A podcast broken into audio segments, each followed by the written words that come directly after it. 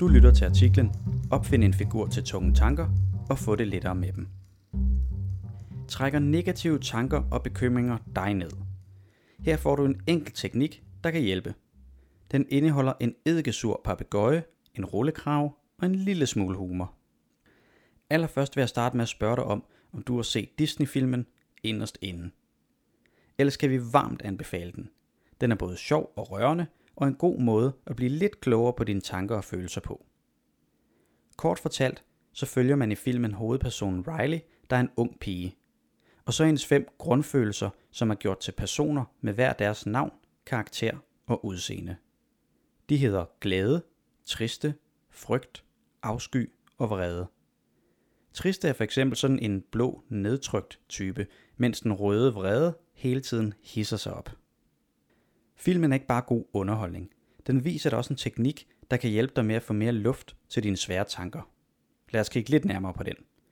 Teknikken går ud på, at du går stemmen i dit hoved til en figur.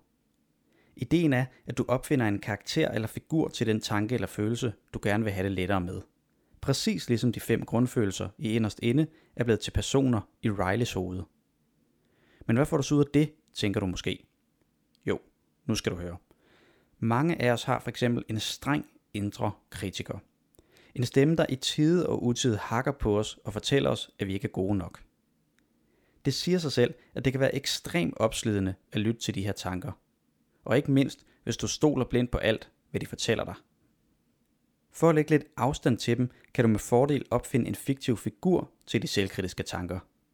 Det kan fx være en eddikesur papegøje, som du forestiller dig sidder på din skulder og hele tiden visker grimme ting i dit øre. Det lyder måske lidt fjollet, men der er faktisk en mening med galskaben. Fordi problemet er, at vi let kommer til at tage vores tanker alt for personligt og alvorligt. Fordelen ved at opfinde en figur til tankerne er, at den kan hjælpe dig med at forholde dig mere frit og afslappet til dem. Ideen er altså, at du minder dig selv om, at det ikke er dig, der tænker alle de her tanker. De kommer derimod helt af sig selv i bestemte situationer, eksempelvis når du skal noget vigtigt eller føler dig presset og usikker. Det kan lyde som en lille ting, men mange oplever, at de ubehagelige tanker bliver meget lettere at rumme, når de eksempelvis forestiller sig, at de kommer fra en sur papegøje på skulderen, i stedet for fra en selv. Nu har du hørt lidt om, hvad teknikken går ud på, og hvordan den kan hjælpe dig. Så nu er det faktisk din tur til at opfinde en figur til de tanker eller følelser, som du går og bokser med. Det første trin er, at du vælger, hvilken tanke eller følelse figuren skal repræsentere. Det kan være, at du plages af bekymringer. Så kan du fx opfinde en karakter, du kalder bekymret Bente, men det kan også være kritiske Christian, nedrakkeren Niels eller usikre Ulla, eller hvad der nu lige passer til dig.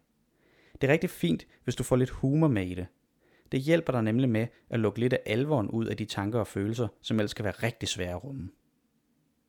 Så langt, så godt. Så kommer vi til trin 2. Når du har valgt et navn til din figur, skal du forsøge at få lidt flere detaljer på den, så du bedre kan se den for dig. Slip fantasien løs og tænk for eksempel over følgende spørgsmål.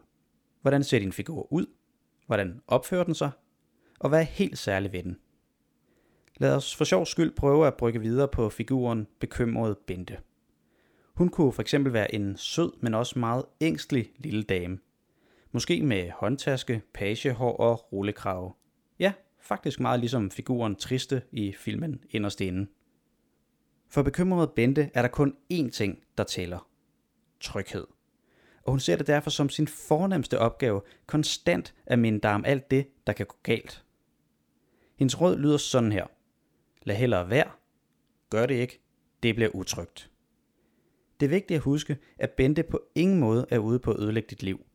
Hun vil bare så gerne passe på dig, og har derfor vendet sig til altid at forestille sig det værste.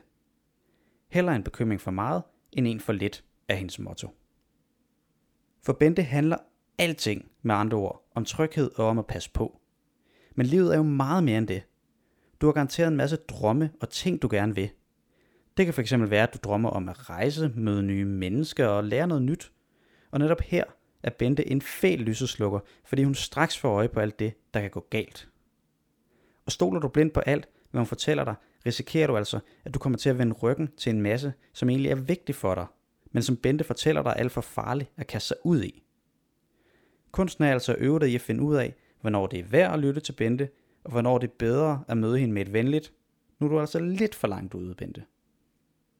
For de fleste er det noget, vi øver os på livet igennem.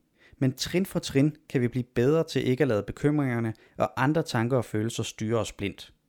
Vi håber derfor, at du har fået lyst til at opfinde din egen figur. Og ellers så er du naturligvis også meget velkommen til at låne Bente eller den sure papegøje.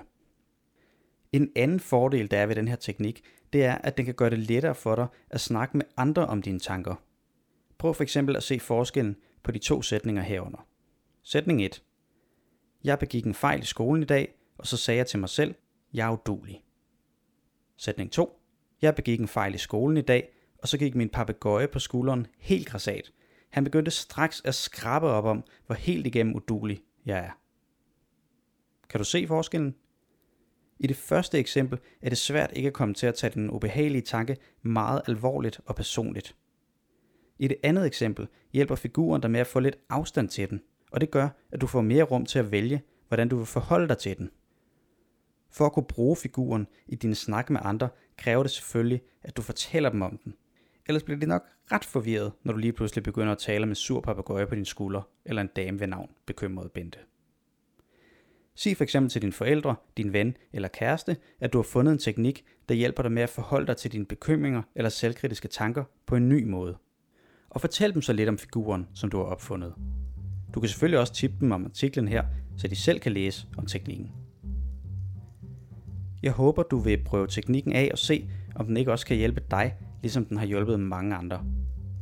I den skrevne artikel slutter vi af med at linke til en række andre artikler, der også kunne være nyttige for dig. Lytter du med fra en podcast-app, finder du et link til den skrevne artikel i beskrivelsen.